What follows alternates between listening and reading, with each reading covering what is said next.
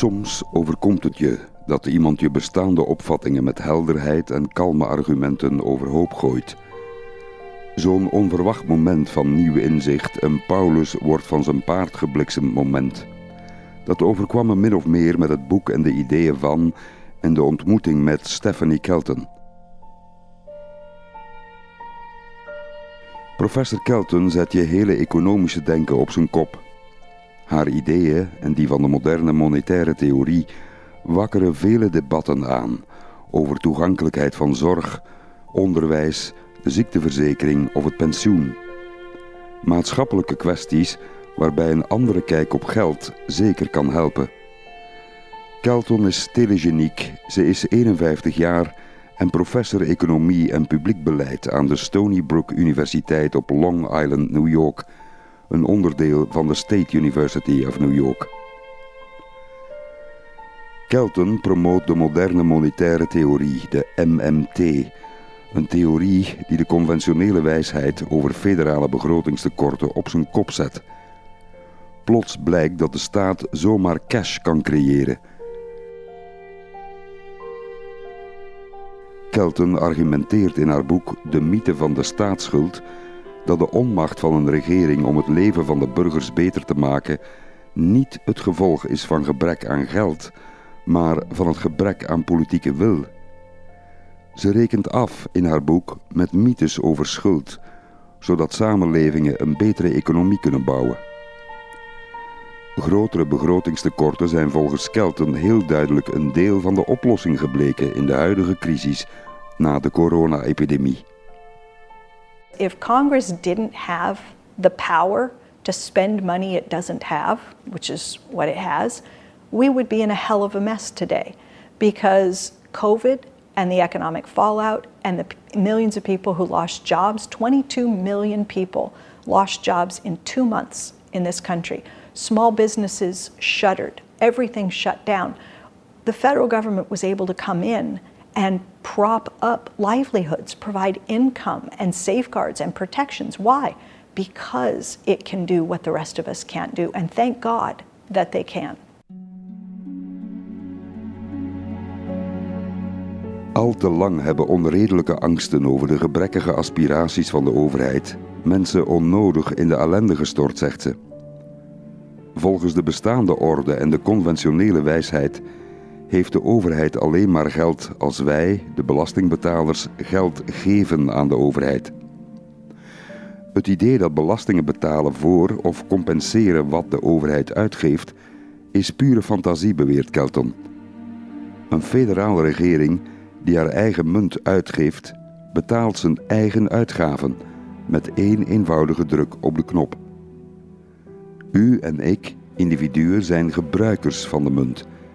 Bedrijven zijn ook gebruikers van de munt. Deelstaten in de VS en lokale overheden eveneens gebruikers van de munt. Dat wil zeggen, als ze iets uitgeven, moeten ze dat compenseren met inkomsten of leningen. Ze kunnen de schulden niet blijven opstapelen. Het zijn echte schulden en ze moeten dus ook echt worden afbetaald.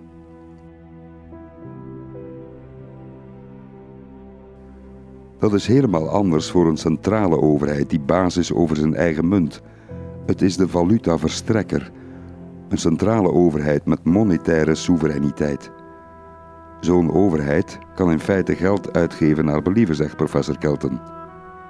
Die overheid kan dus geld spenderen zonder dat daar inkomsten tegenover hoeven te staan, want het is namelijk de baas en de uitgever van de eigen munt. Wie dus zegt dat de staat voor het geld moet zorgen zoals een goede huisvader dat ook doet, het huishoudboekje op orde moet krijgen of dat de broeksriem alweer moet worden aangehaald, die snapt dus niet hoe het monetaire systeem met een eigen munt werkt, zegt professor Kelton. Zij noemt de misverstanden rond geld en schuld schadelijk. When we start with that with that household frame then everything goes wrong. So the difference is that a government like the United States, like Canada, like Japan or Australia or the UK, these are what we call currency issuing governments. They issue the currency. And households and businesses and state and local governments are what we call users of the currency. So you have to draw very hard line in the sand and distinguish the people who get to issue the currency from the rest of us that just have to use the currency. The issuer of the currency does not face a conventional budget constraint. The rest of us do. Het is de kern van herdenken. Landen die geld kunnen lenen in hun eigen valuta hoeven zich in C geen zorgen te maken over staatsschuld. Kelton is nog altijd boos dat president Obama het principe van de autonome munt niet snapte in 2008 na de grote financiële crisis. Families across the country are tightening their belts and making tough decisions. The federal government should do the same. Obama miste daardoor een enorme historische kans, zegt Kelton. The wheels were coming off the economy. There was a sense of urgency. Policymakers knew that, that there needed to be a response, that Congress was going to have to act. We could have done big, ambitious things in that moment. And we didn't. We did one, Congress passed one piece of legislation that was then considered pretty large. It was under a trillion dollars, but it was considered big by historical standards. And then people began to worry about the increases in the deficit and the increases in the debt. And President Obama went on television just months after being elected, and a journalist asked him, At what point do we run out of money? And my heart sort of stopped because the answer was going to, in many ways, shape that presidency. And unfortunately, his response was, We're out of money now. And when he said we're out of money now, it meant that the historic opportunities, the, the, the, ability to really get in and do some ambitious investing in the kinds of things, you know, infrastructure and housing and healthcare and all those things, we had to let them slip through our fingers because we were persuaded that we couldn't afford to make the kinds of investments to really repair this very broken economy.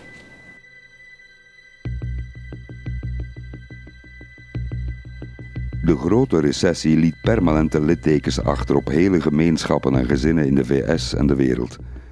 Het zou uiteindelijk ook leiden tot een vulkanische uitbarsting van woede, die op haar beurt uitmondde in de verkiezing van Donald Trump tot president van Amerika.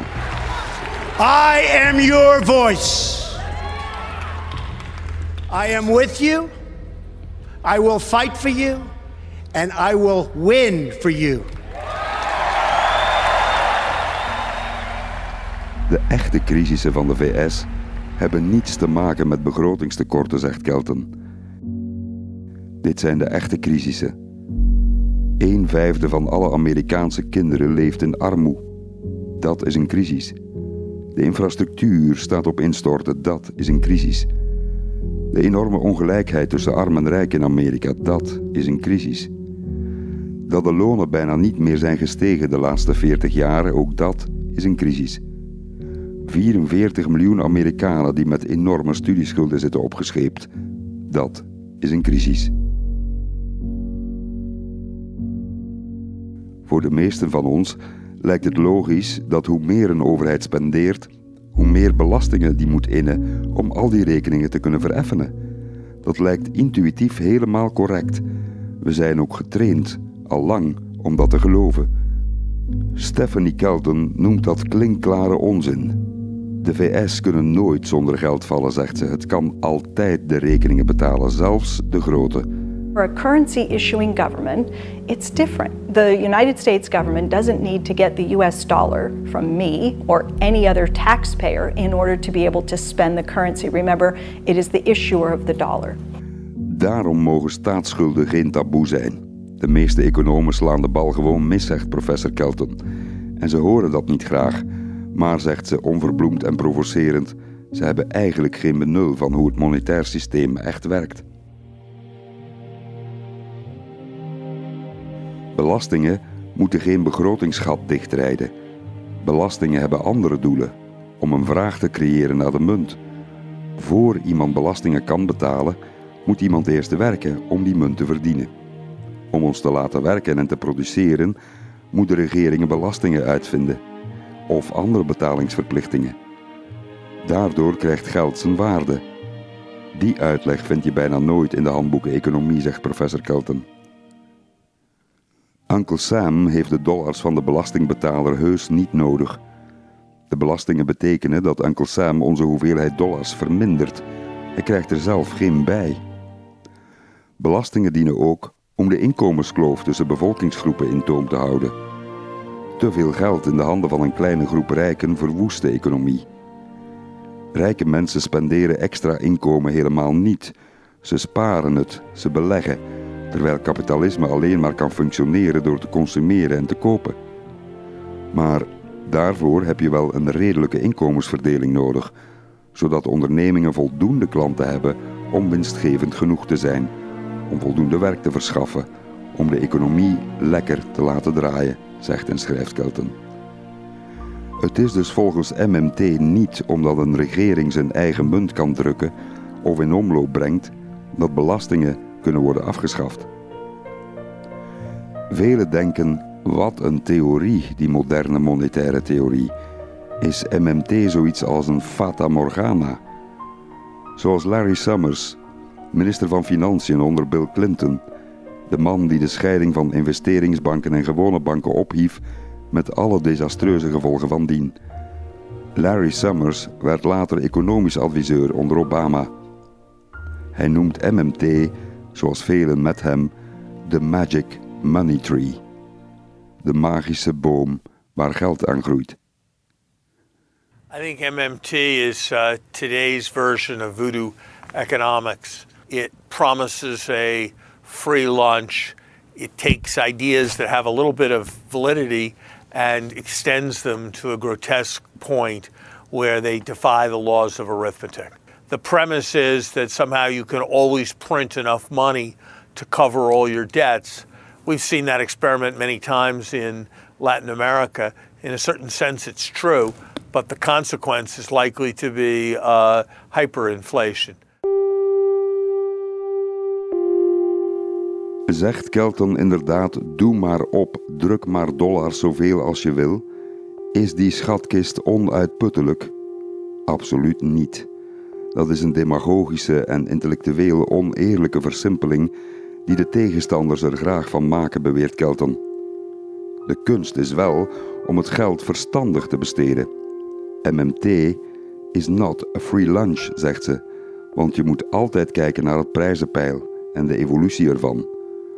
Om te weten of je als overheid te veel geld uitgeeft, moet je dus niet kijken naar je begrotingstekort, maar naar de risico's van inflatie, naar de koopkracht. Een deficit is pas een indicator van te veel geld uitgeven als je de inflatie niet kan temmen.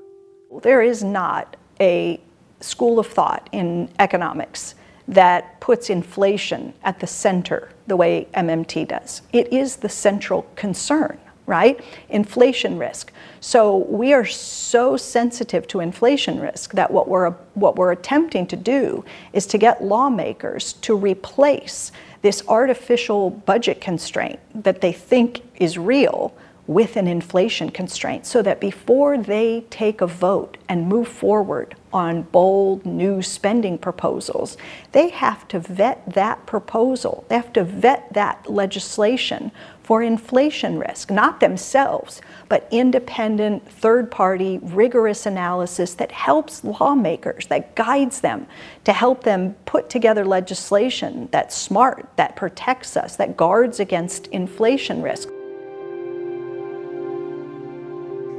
In 1971 kwam er een groot keerpunt in de monetaire geschiedenis. De beslissing van de Amerikaanse president Nixon om de gouden standaard af te voeren. I have directed the Secretary of the Treasury to take the action necessary to defend the dollar against the speculators. I have directed Secretary Connolly to suspend temporarily the convertibility of the dollar into gold or other reserve assets. The effect of this action will be to stabilize the dollar. Een dollar was voortaan niet langer gekoppeld aan een hoeveelheid goud. Het dollar werd een vrije munt, een fiat currency. En het loskoppelen van dat goud verhoogde de monetaire soevereiniteit van de VS enorm. Voor die tijd moest een begrotingstekort wel worden ingeperkt om de goudreserves te kunnen beschermen. Maar nu de munt niet meer aan goud is gekoppeld, kan de Amerikaanse staat in feite nooit meer zonder geld vallen. The US government issues the dollar, but it also issues this thing called a treasury. And a treasury is an interest bearing dollar. Right? Back in the day, the US government and other governments used to pledge to convert their currency into something that they could run out of, like gold or silver. So selling bonds was a way to take dollars out of people's hands because the dollars were potentially convertible into gold, but you only have so much gold in your reserves. So if you replace some dollars with government bonds, which are not convertible, it's a way of protecting your gold reserves. You see?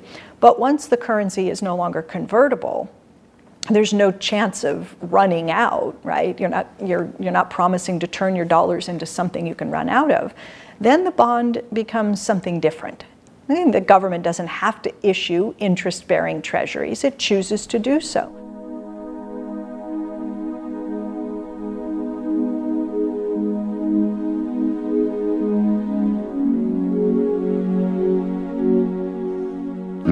Inflatiebestrijder is in de VS toegewezen aan de centrale bank. De Fed heeft in feite twee kerntaken: de inflatie beheersen onder de 2% en het nastreven van een zo laag mogelijke werkloosheid. De centrale bank laat de rente stijgen als de inflatie te veel omhoog gaat en maakt geld dus duurder om te lenen. De Fed laat de rente dalen als het bedrijven goedkoper wil laten lenen en dus in staat stelt of stimuleert om meer mensen aan het werk te zetten. Professor Kelton vindt dat een dorre, eenzijdige economische benadering. Te veel verantwoordelijkheid voor de centrale bank, niet alleen in de VS, zegt ze, maar overal ter wereld. We've decided collectively that the way we want to manage the economy to create jobs and sustain growth is through monetary policy. When a central bank wants to stimulate the economy, what does it do? It lowers the interest rate. Why does it lower the interest rate? To encourage people to borrow. But borrowing means debt. And that means that we're always seeking to stimulate borrowing private sector indebtedness as the engine of growth. And that has not worked out well. Het is niet van belang of de begroting een tekort heeft of een overschot. Wat telt is het resultaat voor de hele economie. Wat die economie doet voor een zo groot mogelijk deel van de mensen. De economie moet functioneel zijn. Daarom raden Kelton en de aanhangers van de moderne monetaire theorie een nieuwe aanpak aan bij het federale begrotingsproces, waarbij inflatierisico's worden ingeschat door een onafhankelijk organisme voor er wordt beslist tot nieuwe, belangrijke, al of niet grote overheidsuitgaven.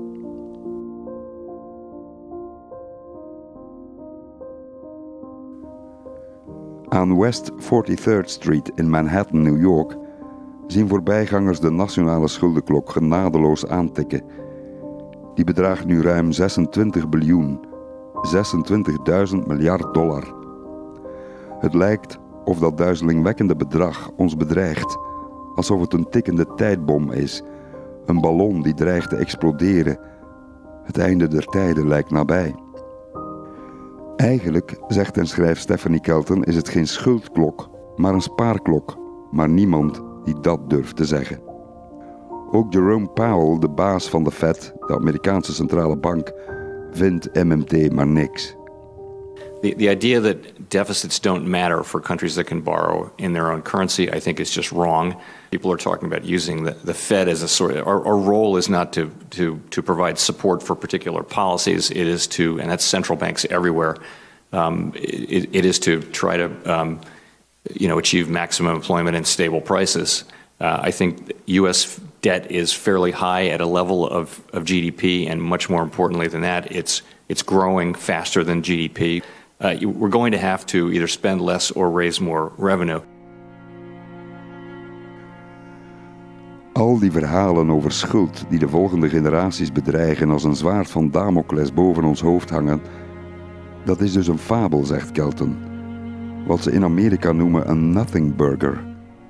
Niemand zal ooit een factuur in de bus krijgen met ons deel van de staatsschuld dat we nog terug moeten betalen.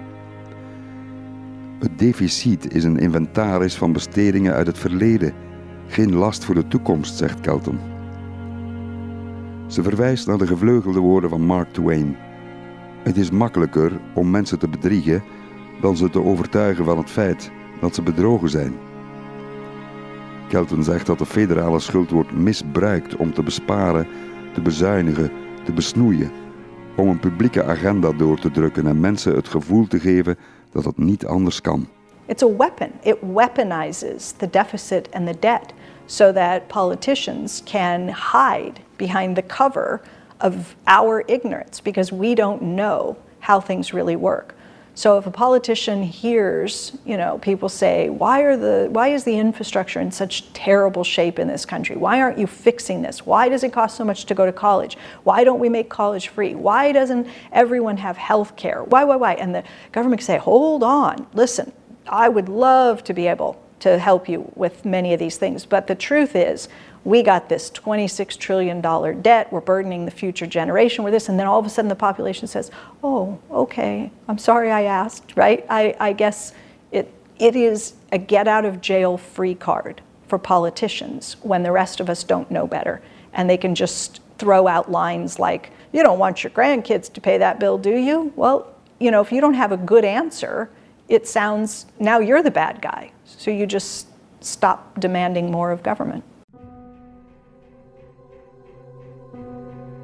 In de VS is het dus volgens MMT onmogelijk dat de staat zonder geld valt.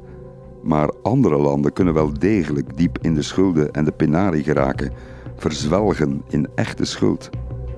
Staten zonder controle over of zonder eigen munt. Kijk naar Griekenland in 2010, zegt Kelton.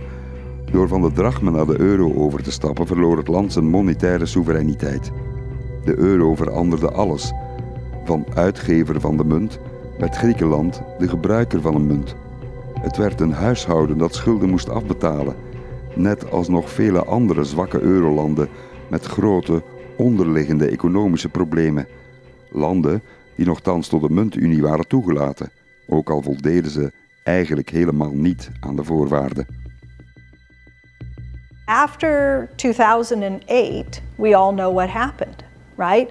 Um, the economic fallout drove deficits extremely high. Countries, especially in the periphery, Greece, Italy, um, Portugal, uh, Spain, Ireland, they got caught in a debt crisis. Interest rates, yields blew out, and they were in real trouble. And it took a good while before Mario Draghi said those three little words, right? Whatever it takes.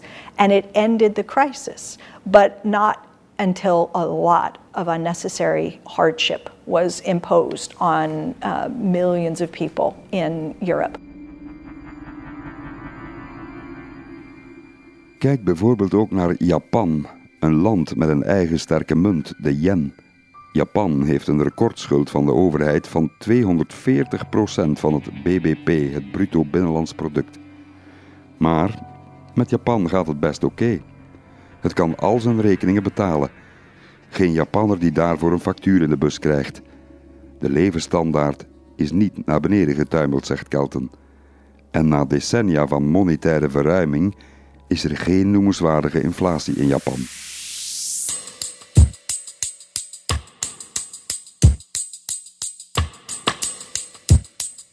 Waarom verkoopt een overheid zoals de Amerikaanse dan eigenlijk staatsleningen? Niet omdat het leent of omdat het geld nodig heeft om de schulden te delgen. Nee, zegt Kelton, overheidsobligaties of staatsleningen of staatsbonds geven mensen die dollars bezitten of hebben staan op een zichtrekening de kans om hun geld te parkeren met rente. Wat schuld heet voor de staat zijn beleggingen voor de private sector. Het geld wordt dus uit de economie weggezogen. Overheidsobligaties worden verkocht om op die manier ook de rente laag te houden, niet om de regering te financieren, zegt MMT. Kelton gaat nog een stap verder. Ze bestudeerde cijfers en stelde opmerkelijk genoeg vast dat de VS bijna keer op keer een recessie meemaakt op het ogenblik dat de federale staat een begrotingsoverschot heeft gecreëerd. Opmerkelijk, maar toch ook logisch, zegt Stephanie Kelton. Eigenlijk betekent een begrotingsoverschot dat er te weinig dollars in de economie zijn gepompt.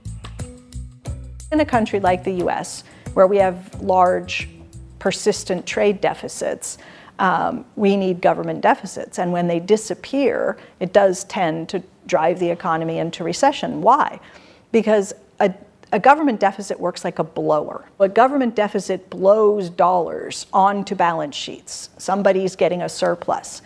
A government surplus works like a hoover, like a vacuum. It sucks the dollars off of the private sector balance sheets and uh, accumulates them right to the to the public sector. So at some point, government surpluses hoover up too many financial assets from the rest of us, and then our spending falters, and then the economy goes into recession.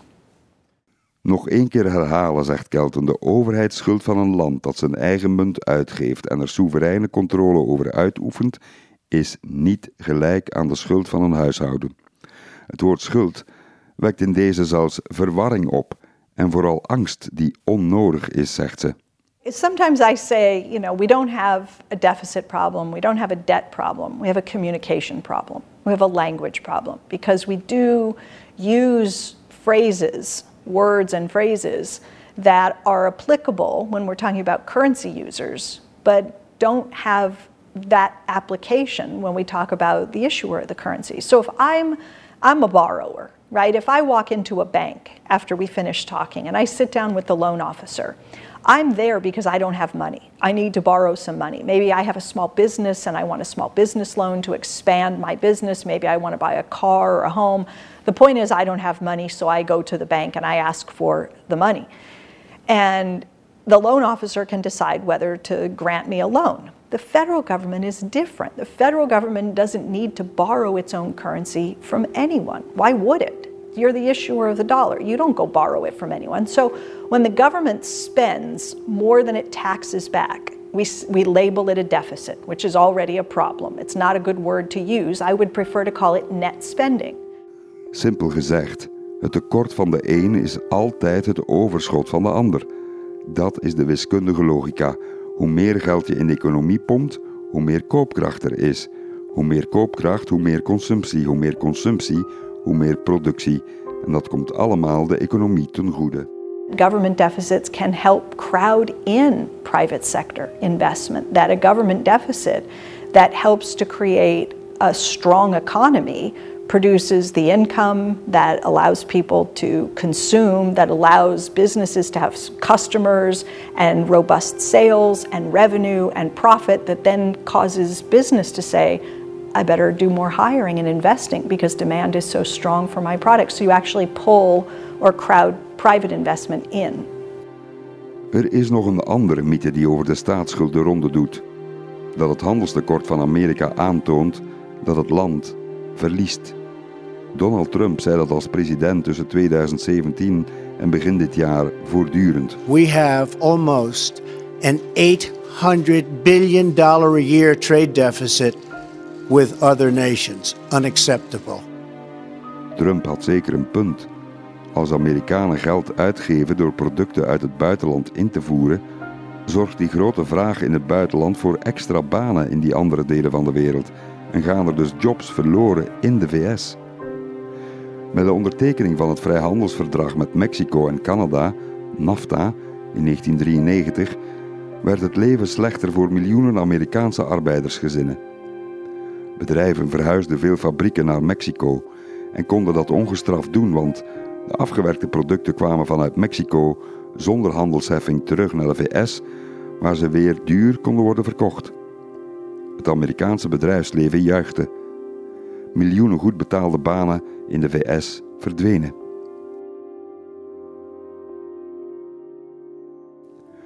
Er waren nog meer gevolgen. Door NAFTA geraakten Mexicaanse boeren hun werk kwijt in eigen land, want Amerika kon goedkoop zijn eigen landbouwproducten dumpen zonder importheffingen in Mexico.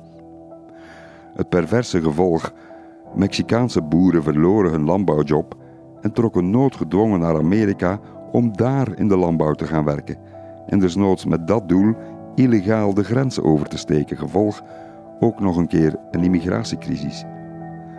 Ach, de wereldeconomie kan gruwelijk zijn. En altijd het voordeel van de een is het nadeel van de ander. Wat China betreft heeft men nagerekend dat de Amerikaanse export naar China de Amerikanen ruim 500.000 banen op heeft geleverd tussen pakweg 2001 en 2011.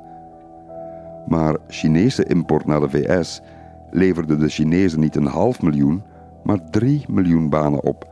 Een groot nettoverlies voor de VS. Amerikaanse arbeiders vonden in een aantal gevallen elders een nieuwe baan, maar die betaalde en betaalt gemiddeld 20% minder loon. Alweer een nettoverlies voor die Amerikaanse werknemer.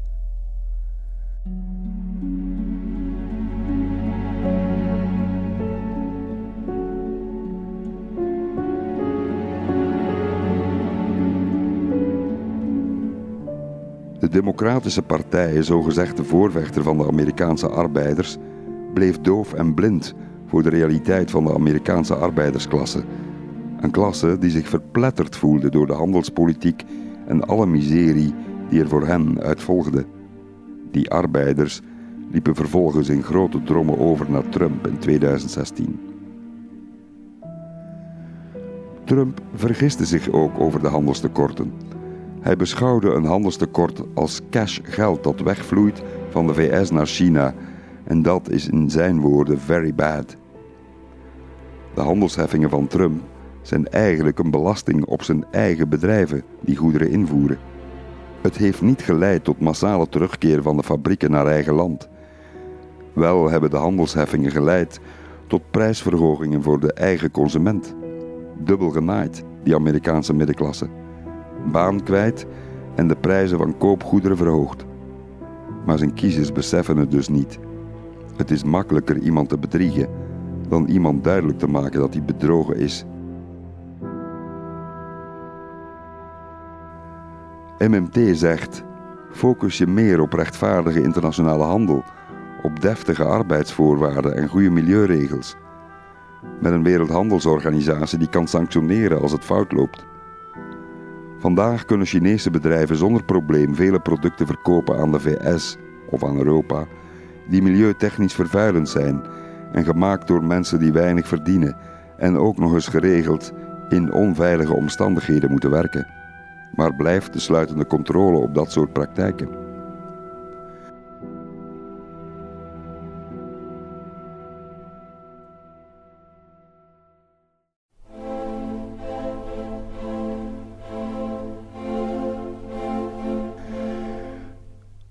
Vroeger waren handelstekorten echt nadelig, toen de dollar nog inwisselbaar was voor goud.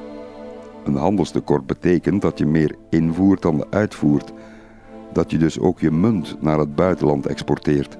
Je betaalt namelijk in dollars voor die import. Vroeger, tot 1971, hield dat dus ook een vermindering in van je goudvoorraad. Om dat wegbloeden van het goud te beperken, werden dus interestvoeten geregeld verhoogd om het goud in eigen land te kunnen houden, om de invoer te beperken en te ontmoedigen en dus de uitvoer van goud in te dijken. Hoge interestvoeten leiden vaak tot economische achteruitgang. Geld wordt een stuk duurder, investeren wordt ook duurder door zwaardere leningen, waardoor meer mensen worden afgedankt, want er wordt minder geproduceerd en geconsumeerd. Mocht de goudconvertibiliteit nog altijd bestaan, dan zou Donald Trump helemaal gelijk hebben. Dan zijn handelstekorten very bad, zegt Kelton. Maar dat is niet langer zo. De wereld is veranderd. Wat trouwens als de dollar niet langer een sterke dominante wereldmunt zou zijn? Wat gebeurt er dan, volgens professor Stephanie Kelton? Well, that's not going to happen.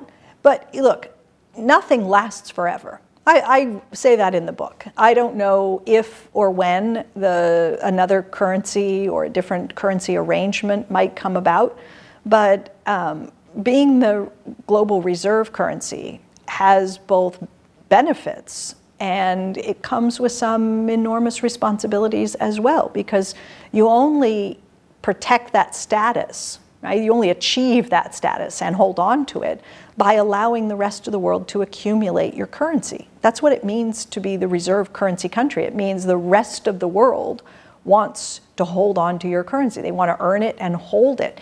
And the way that we allow other countries to do that is through government deficits and trade deficits.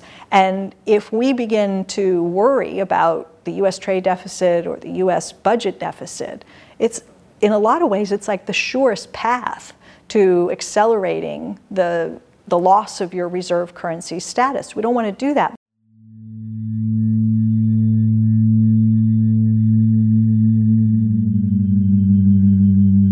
Intussen is dat het probleem van de ontwikkelingslanden. Zelfs als ze hun eigen munt kunnen uitgeven, blijft dat een groot probleem. MMT in ontwikkelingslanden vergeten dus, zegt MMT. De meeste ontwikkelingslanden zijn afhankelijk van de invoer van voedsel, medicijnen, van olie enzovoort. Ze moeten die import bijna helemaal betalen in een andere munt dan de hunne. In dollars of in euro of yen. En dus moeten ze zich te pletter lenen en kunnen ze vaak hun schulden niet terugbetalen. Het schuldprobleem van de derde wereld.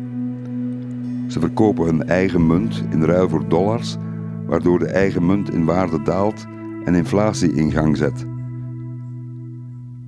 We noemen dat importgeleide inflatie. Zo blijven ontwikkelingslanden altijd ter plaatse trappelen. En wat met de wurggreep van China op de VS? Klopt die bewering eigenlijk? Want China bezit meer dan 1000 miljard dollar aan Amerikaanse schuldleningen overheidspapier. Toch? Wat als China zijn geld terug wil? Kelton herhaalt nogmaals: dat is geen schuld. Amerika leent eigenlijk geen geld, want het geeft zijn eigen munt uit. China heeft in feite dollars op de zichtrekening omgezet in dollars waar het interest op krijgt. Dat is wat het kopen van staatspapier inhoudt, een belegging. Waarom zouden ze die opgeven?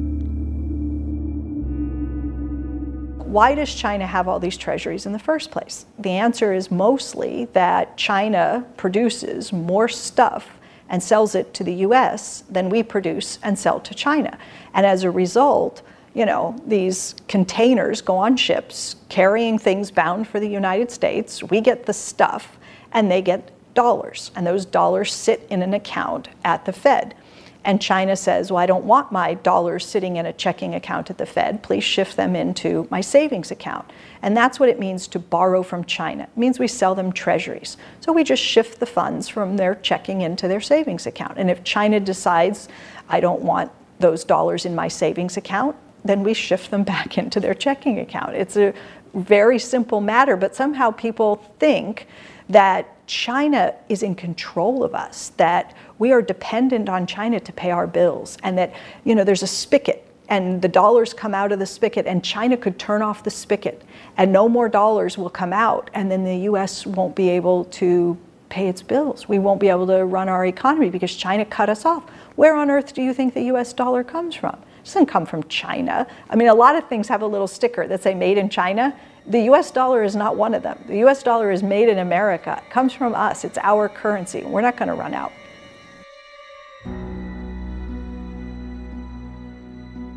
Met die enorme hoeveelheid staatsschuld zullen uitkeringen en pensioenen nog wel overeind kunnen blijven, want dat is het verhaal. De overheid heeft eigenlijk geen geld meer. De overheid is nagenoeg failliet. Zelfs Alan Greenspan, meer dan twee decennia lang de baas van de Amerikaanse centrale bank, tussen 87 en 2006 tot zijn 80ste levensjaar, zelfs die Alan Greenspan zei tijdens een hoorzitting in het congres in 2005 op een vraag van congreslid Paul Ryan over de betaalbaarheid van de sociale zekerheid dat Amerika al het geld heeft dat het wil om die sociale zekerheid te financieren. There's nothing to prevent the federal government from creating as much money as it wants and paying it to somebody. De crisis rond de betaalbaarheid van de sociale zekerheid, zegt professor Kelton, is dus man-made. Een politiek probleem, geen financieel probleem. Kelton vindt het daarom redelijk onvoorstelbaar dat economen die dat weten en beseffen, niet de moed vinden om dat feit simpelweg toe te geven of te erkennen. Het echte probleem, zegt Kelton, is niet de betaalbaarheid van de pensioenen.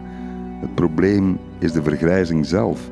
Over tien jaar heeft de VS meer 65-plussers dan jonger dan 18-jarigen. Hoe gaat Amerika die veranderende demografie economisch opvangen, vraagt ze zich af. Er moeten dus nu al meer dokters en verplegers worden opgeleid, meer aangepaste woningen worden gebouwd voor die gepensioneerden. Het probleem, zegt ze, is dus niet de kost van de vergrijzing, het zogezegde begrotingsprobleem, wel hoe we de economie aanpassen aan veranderende noden. Intussen kampt Amerika met ondertewerkstelling. Veel goed betaalde banen zijn vervangen door laagbetaalde jobs in de servicesector, wat we hamburgerbanen noemen. Soms combineren Amerikanen twee tot drie baantjes tegelijk om rond te kunnen komen. Geen wonder dat die realiteit, die rauwe, harde realiteit, leidt tot veel alcoholisme, tot veel te veel wanhoopsdaden door zelfmoord en drugs. De brandstof van al die ellende, economische onzekerheid. 40% van de Amerikanen zegt dat ze bij een noodgeval, bij een financiële tegenslag bijvoorbeeld, niet meer dan 400 dollar op de bank hebben staan. 400 dollar. De VS is het enige westerse land dat geen betaald bevallingsverlof kent. Weet u waarom de Amerikanen zo hard terugverlangen naar Make America Great Again? Omdat er ooit een tijd was dat een gezin met één kostwinner echt een goed leven kon leiden, een huis kon kopen, de kinderen naar school kon sturen, voor weinig geld, twee auto's in de garage had staan, elk jaar een betaalde vakantie kon boeken en met pensioen gaan zonder zorgen. In plaats van te kunnen sparen voor de oude dag, betalen 44 miljoen Amerikanen tientallen jaren lang hun studieschulden af, soms tot ze de leeftijd hebben bereikt van ruim 50 jaar. Ik heb zulke onderburen, goed betaalde baan, maar toch bang, want die studieleningen blijven daar maar hangen. Meer dan de helft van de Amerikanen met een lager inkomen heeft geen pensioenspaarrekening. 1 op de 5 65-plussers in de VS moet blijven werken om rond te komen. En het zijn heus niet altijd verschoppelingen die het lastig hebben. Niet alleen mensen met de aanblik van een haveloze dakloze. Stephanie Kelton beschrijft in haar boek De mythe van de staatsschuld een jong koppel uit Connecticut. Beiden 28 jaar oud, ze verdienen samen 130.000 dollar per jaar. Samen hebben ze 51.000 dollar studieschuld, die moeten ze afbetalen. 18.000 dollar aan autoleningen, 50.000 dollar kredietkaartschulden en ook nog een keer een hypotheek op het huis dat ze hebben gekocht, plus de kosten voor de kinderopvang. Voortaan kunnen ze dus niet meer alles kopen wat ze willen. Ze moeten de broeksriem echt aanhalen. Ze hebben een echt begrotingsprobleem. Het is geen indicator van groeiende welvaart dat je zelfs de gemiddelde levensverwachting ziet dalen in de VS. En voor velen is de ziekteverzekering onbestaand of onbetaalbaar. Voor de ziekteverzekering de kosten dekt, moet je in de VS vaak een aanzienlijk deel uit eigen zak betalen. Het remgeld is fors. Voor een gezin met twee kinderen is dat gemiddeld 12.000 dollar per jaar uit eigen zak voor de ziekteverzekering tussen beiden komt. Ga er maar aan staan. Niet overal is ook het peuter- en kleuteronderwijs gratis. Wij zijn dat gewoon.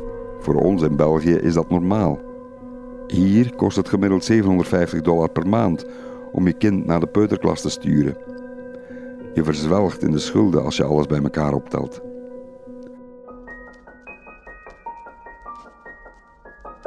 Stephanie Kelton zegt: Met de MMT, de moderne monetaire theorie, zou de Amerikaanse staat veel van die verstikkende schulden of kosten kunnen deels overnemen of kwijtschelden. Dan komt er wat financiële ademruimte voor die Amerikaan.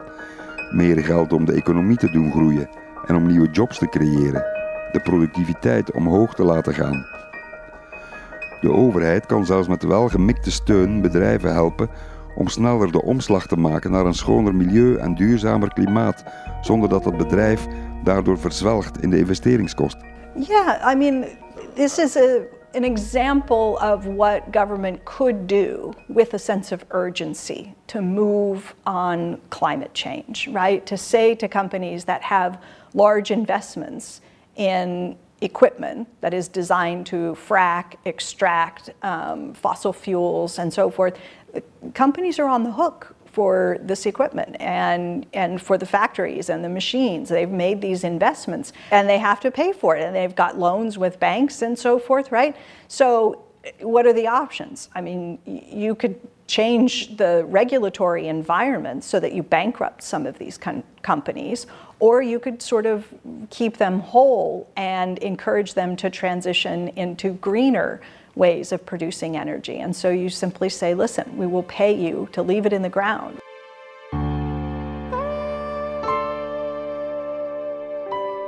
De ongelijkheid is groot in de VS. Van alle OESO-landen heeft Amerika de grootste Gini-coëfficiënt, de grootste inkomenskloof arm-rijk. Ongelijkheid heeft ook sociale en politieke gevolgen. Wie een goed loon heeft en deftige werkuren, heeft ook tijd voor familie en de gemeenschap. Overwerkte en onderbetaalde burgers voelen zich sneller tekort gedaan, geïsoleerd en vervreemd van de maatschappij. Zulke mensen zijn dan ook vatbaar voor woede en desinformatie. Zich verenigen in woede is een methode om de bittere realiteit te ontlopen. De meerderheid van de Amerikanen leeft van loonstrookje naar loonstrookje. 40 miljoen van hen leven zelfs onder de armoegrens. Als u zich dan nog altijd afvraagt waarom Donald Trump zo succesvol was, well, there you have it. Vele miljoenen Amerikanen gaan niet eens stemmen. Ze denken dat een stemmer letterlijk en figuurlijk niet toe doet. Een veelgehoord zinnetje is dit: They never do anything for us anyway. Ze doen toch niks voor ons. Belangrijk om te weten, zegt Stephanie Kelton. MMT heeft geen Robin Hood aanpak van de belastingen, zo van belast de rijken en geef het aan de armen. Zo werkt het niet, zegt ze. Geen bittere politiek van de hooivork. De mythe van de staatsschuld doet de verkozenen des volks geloven dat ze geld moeten bedelen bij rijke en machtige Amerikanen voor ze geld kunnen uitgeven voor het volk. Nogmaals, Belastingen dienen niet om een overheidsuitgave te financieren, zegt ze, wel om de ophoping van de rijkdom in de handen van een te kleine groep af te remmen. Dat is belangrijk, want geld is ook macht in de politiek. Rijken kunnen makkelijker lobbyen, toegang krijgen tot politici, invloed uitoefenen met en door hun geld. Ze worden gehoord en ze kunnen er bijvoorbeeld voor zorgen dat arbeidswetgeving losser wordt, milieuregels minder strak, handelsovereenkomsten leniger, patentregelingen strikt pro-bedrijfsleven. Daarom, zegt Kelton, hebben arme inwoners van Flint, Michigan niet eens deftig drinkwater. Maar heeft Big Tech wel glimmende wolkenkrabbers in San Francisco, terwijl beneden de daklozen liggen te slapen op Market Street. Ga maar eens kijken als u wil.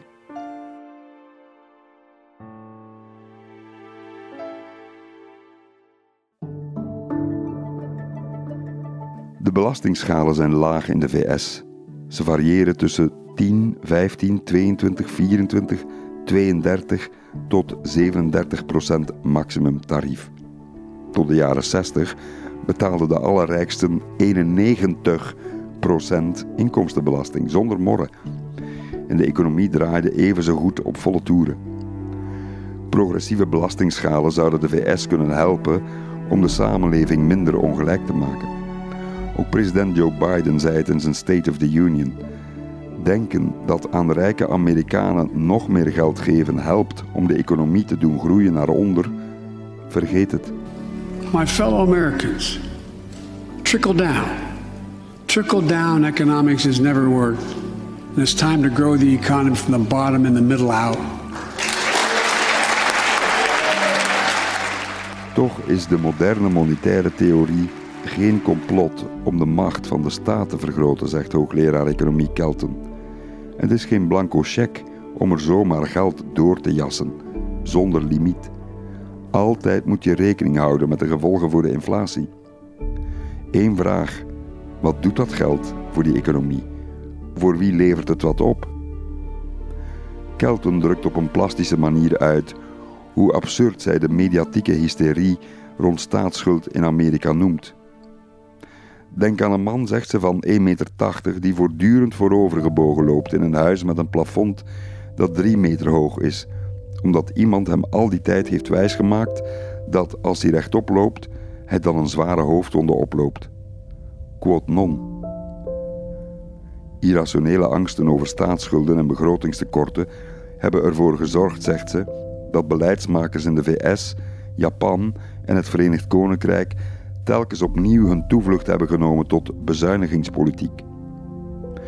Dat gebeurde eens te meer in de jaren na de financiële crisis van 2008. Die bezuinigingen, zegt Kelton, hebben veel sociaal-economische problemen nog erger gemaakt. Maar, zegt ze, bezuinigingen waren niet het enige probleem.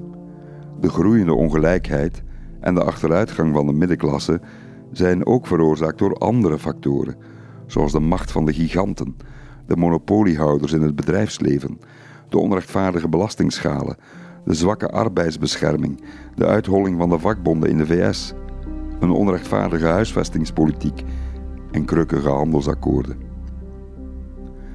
Kelten wijst ook op de hypocrisie van de politieke klasse. Begrotingshaviken kijken plots de andere kant uit en maken zich geen enkele zorg over schulden en tekorten als het gaat over geld toewijzen voor defensie. 750 miljard dollar per jaar, zonder verpinken en nagenoeg geen enkele tegenstem in het congres. The motion is adopted. Niemand die dan oppert, hoe gaan we dat betalen? Op de een of andere manier, schrijft Kelton, is er altijd genoeg geld voor het leger en voor belastingverlagingen. Voor al de rest volgt meteen de vraag: hoe gaan we dat in godsnaam betalen? Schijnheiligheid. Stephanie Kelton gaat nog een stap verder. Ze vindt dat de centrale bank te weinig instrumenten heeft om en de inflatie en de werkloosheid laag te houden. Kelton beweert zelfs dat een overheid die zijn eigen munt uitgeeft, zoals de Amerikaanse, het universele recht op werk kan garanderen, een jobgarantie. In plaats, zegt ze, van miljoenen Amerikanen werkloos te laten en ze tijdelijk een uitkering te geven, in Amerika ongeveer een maand of zes en niet langer, kan de federale begroting ingrijpen en te hulp snellen.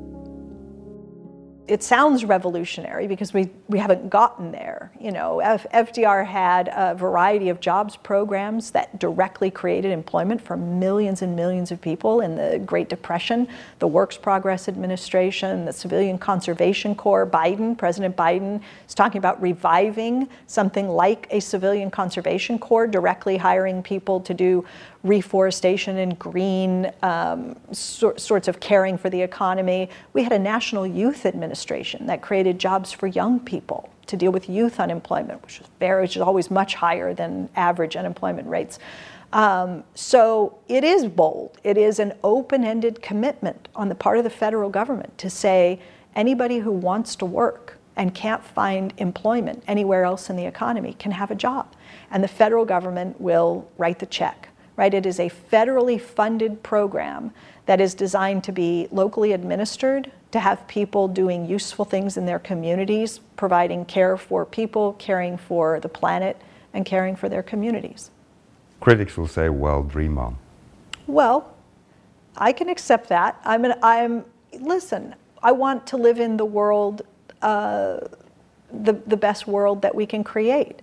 And unemployment is a policy choice. Poverty is a policy choice. We don't have to tolerate these. And by the way, unemployment costs a fortune. Het doel van de jobgarantie is banen creëren die onvervulde taken invullen in lokale gemeenschappen. Buurten netjes houden en veilig, parken en bossen onderhouden, bezoeken en begeleiden van eenzame ouderen, zorg voor kwetsbaren, naschoolse kinderopvang die betaalbaar is, een overheidsbaan met een fatsoenlijk minimumloon. Te begeven aan mensen zolang ze geen ander werk vinden op de arbeidsmarkt.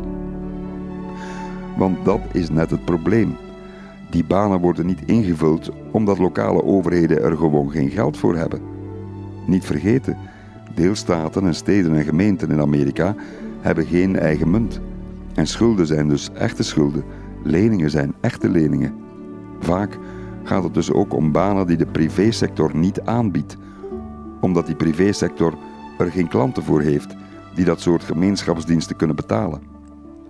Ook al is er maatschappelijk behoefte aan. Daar ligt dus de taak van de federale overheid, met zijn eigen sterke munt. Het financieren van de lokale overheden die op droog zaad zitten. Precies wat er in de praktijk gebeurde in de coronacrisis. Zo konden en kunnen staten die in het rood stonden hun leraren, brandweerlieden, bibliotheekpersoneel, onderhoudsmensen, politie op zijn minst blijven doorbetalen. Er zijn heel veel noodlijdende verarmde stadjes en gemeenschappen in de VS, zegt Kelton.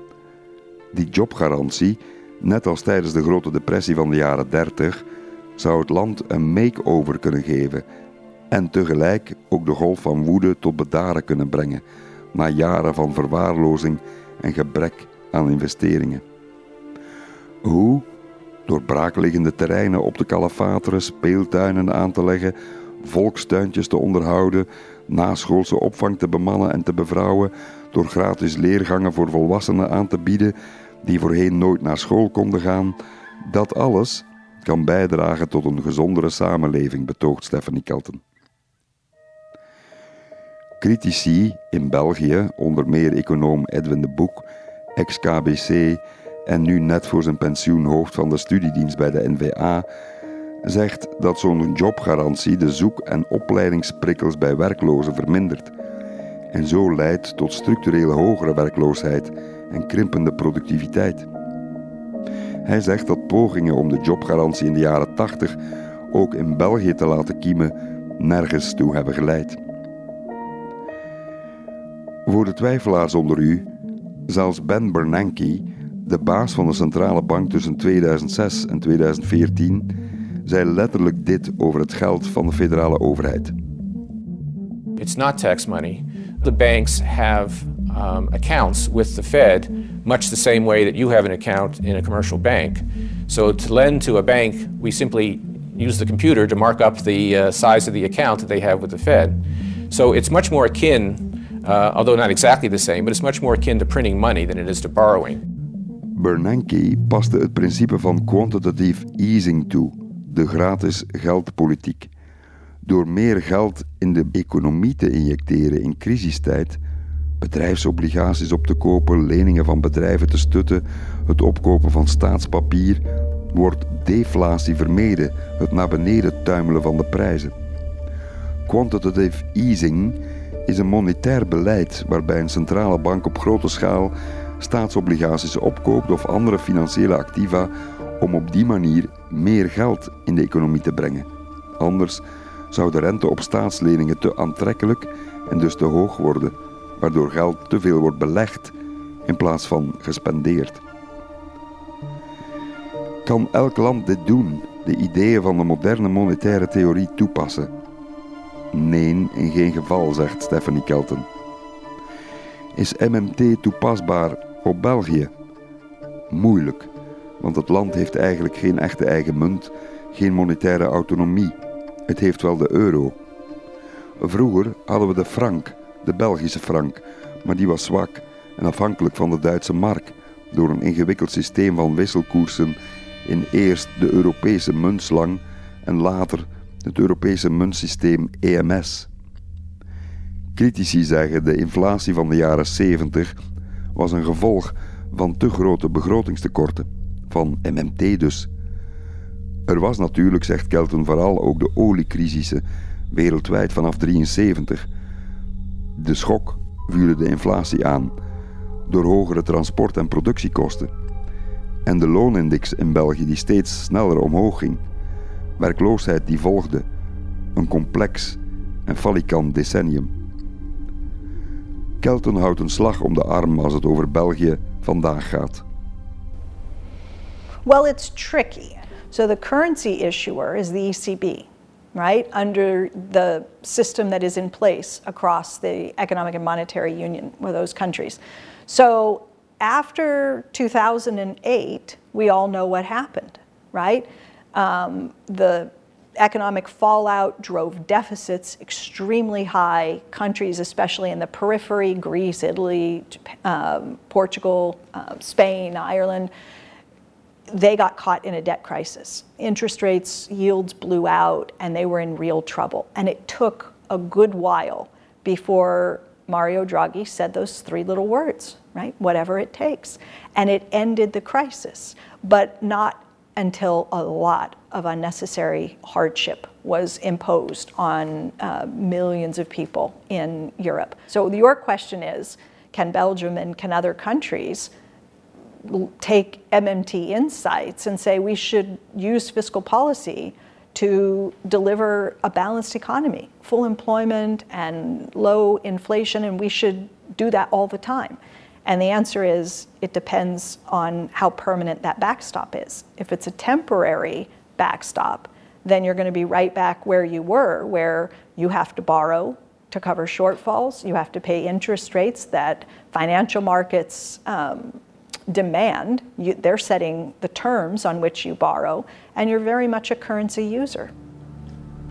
Kelton zegt me vooraf en achteraf: It took the virus to kill the deficit myth. Er was een virus nodig om de gedachten over de basis van ons monetair systeem te laten veranderen. Nu krijgen haar ideeën overal ter wereld ernstige aandacht. Haar boek, geen stationsromannetje, is een absolute bestseller en is ook vertaald in het Nederlands. Dat wekt ergernis bij sommigen. Velen blijven haar ideeën fout voorstellen. Als journalist sta ik daar soms verbouwereerd naar te kijken. Zou dat de kracht zijn van wat we het establishment zijn gaan noemen? Keltons ideeën en inzichten en die van haar vele MMT-collega's maken serieuze en traditionele economen nerveus en redelijk ongemakkelijk. Ik merkte het zelf op sociale media hoe onblij sommigen waren dat ik haar zelf zou interviewen. Haar ideeën worden bijna als subversief en staatsgevaarlijk ervaren. De commentator van de krant De Tijd antwoordde me op Twitter: Tu quoque, jij ook al. Ik had het gevoel dat haar interviewen alleen al een soort rebelse daad was.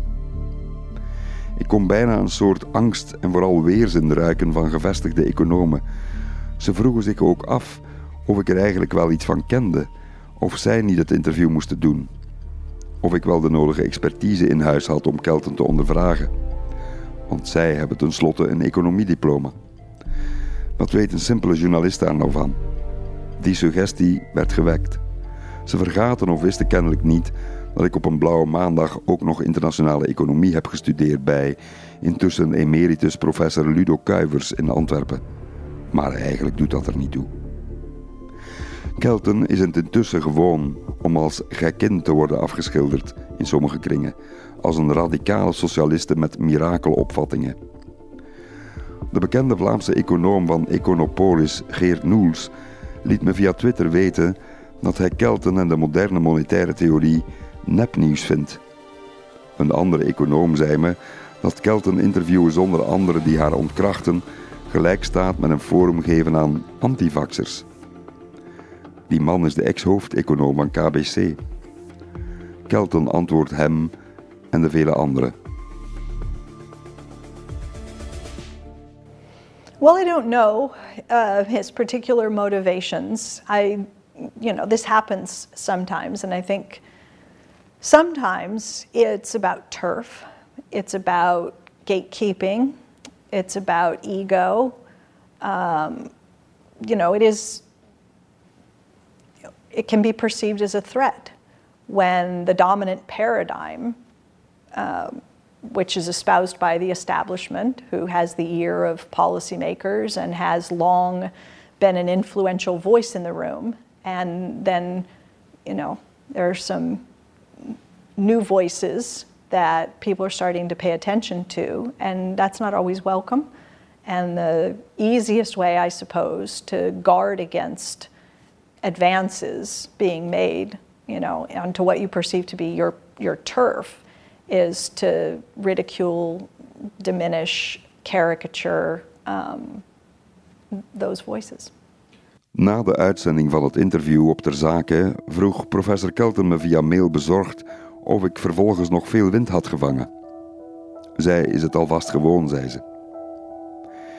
Ik zag een bekende columnist van de tijd schrijven dat de dictators Mobutu in Congo en Mugabe in Zimbabwe de monetaire theorie hadden toegepast.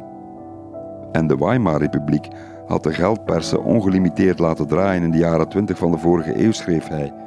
MMT. En dat was niet goed afgelopen. Mijn broek zakte lichtjes af. Dat verstandige mensen met een reputatie eigenlijk een soort loze beweringen uiten in een gereputeerde zakenkrant. Dat ze niet weten dat Duitsland na de Eerste Wereldoorlog kreunde onder de onrealistisch hoge herstelbetalingen. Dat de Weimar-republiek daar aan ten onder ging door die torenhoge inflatie. De auteur in de zakenkrant vertelde ook niet hoe Zimbabwe vooral ten onder ging door mislukte landhervormingen, de daaruit volgende torenhoge werkloosheid en door dure import die betaald moest worden in harde dollars, echte schulden. De hyperinflatie, 95% per dag alsjeblieft, kwam niet door alleen onbezonnen bestedingen van de overheid. MMT maakt er juist een punt van, zegt Kelton, om de inflatie in toom te houden. Gratuite beweringen over MMT worden vervolgens duchtig rondgetweet door zogezegd eminente opiniemakers. Dat onzinnige gezever over MMT mag stoppen, tweette een ex-Kamervoorzitter zonder schroom. Het manke voorbeeld van Zimbabwe moest voor hem volstaan om MMT definitief weg te zetten als zever. Kelton zegt: Ik verkondig geen radicale theorie. Ik beschrijf gewoon feitelijk hoe ons geldsysteem werkt. Het is gezond om onze klassieke aannames te bevragen. Ook al gaan de gerenommeerde universiteiten al Harvard en Yale niet mee in dit verhaal.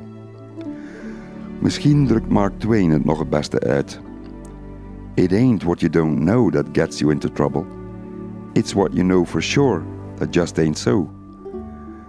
Vrij vertaald, het is niet datgene wat je niet weet dat je in de problemen brengt. Het is wat je denkt zeker te weten en het toch niet is. Een gedachte om langere tijd bij stil te staan.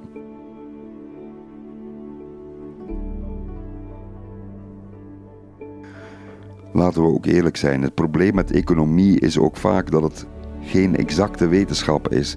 Er zijn veel scholen, denkrichtingen, veel opvattingen en die spreken elkaar vaak regelrecht tegen. De ene noemt Kelton een nep-econome. De economieredacteur van de Volkskrant schrijft dat Keltons boek alles in zich heeft om een economische klassieker te worden, zoals bij Milton Friedman of Thomas Piketty. Maar soms moet je iets gewoon laten bezinken, om te weten of het werkt of niet. Een lenige geest is aan te bevelen in alles. Een beetje zoals Franklin Roosevelt deed in de Grote Depressie. Of zoals Mario Draghi, die drie magische woorden sprak toen hij besloot de eurocrisis te bezweren en op te lossen als baas van de Europese Centrale Bank. Whatever it takes.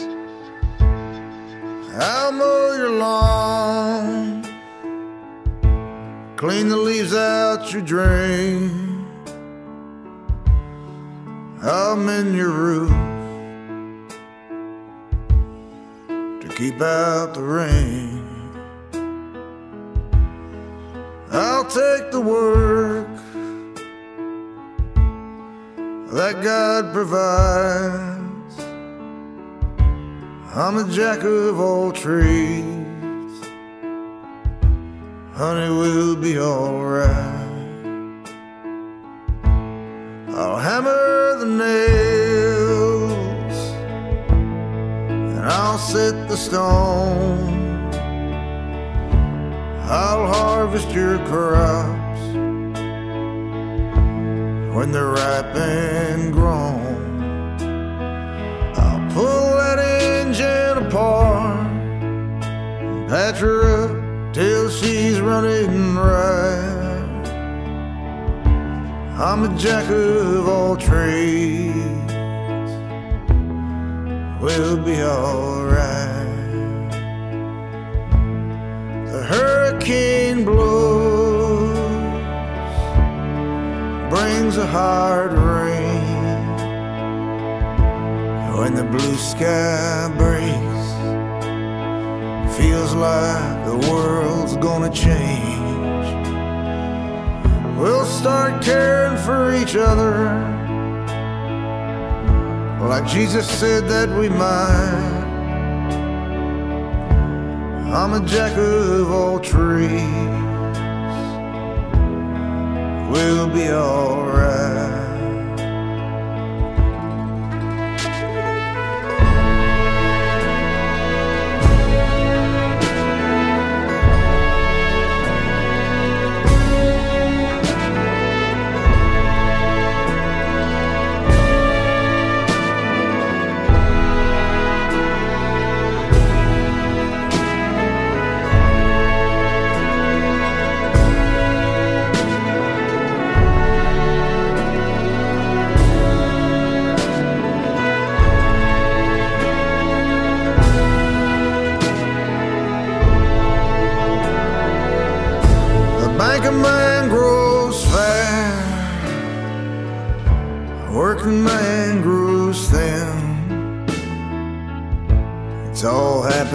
Before,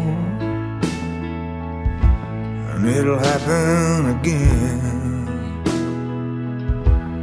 It'll happen again. Yeah, they'll bet your life.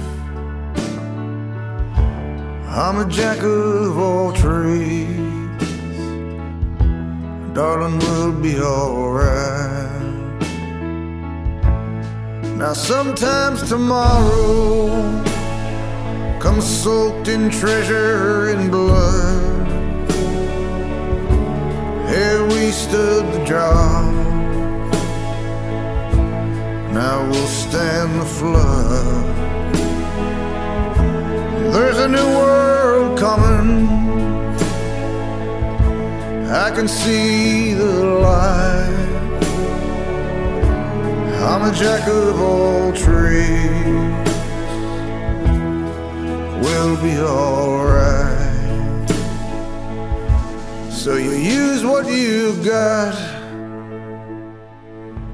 and you learn to make do. You take the old, you make it new. If I had me a gun, I'd find the bastards and shoot 'em on sight. I'm a jack of all trades. We'll be alright. I'm a jack of all trades. We'll be alright.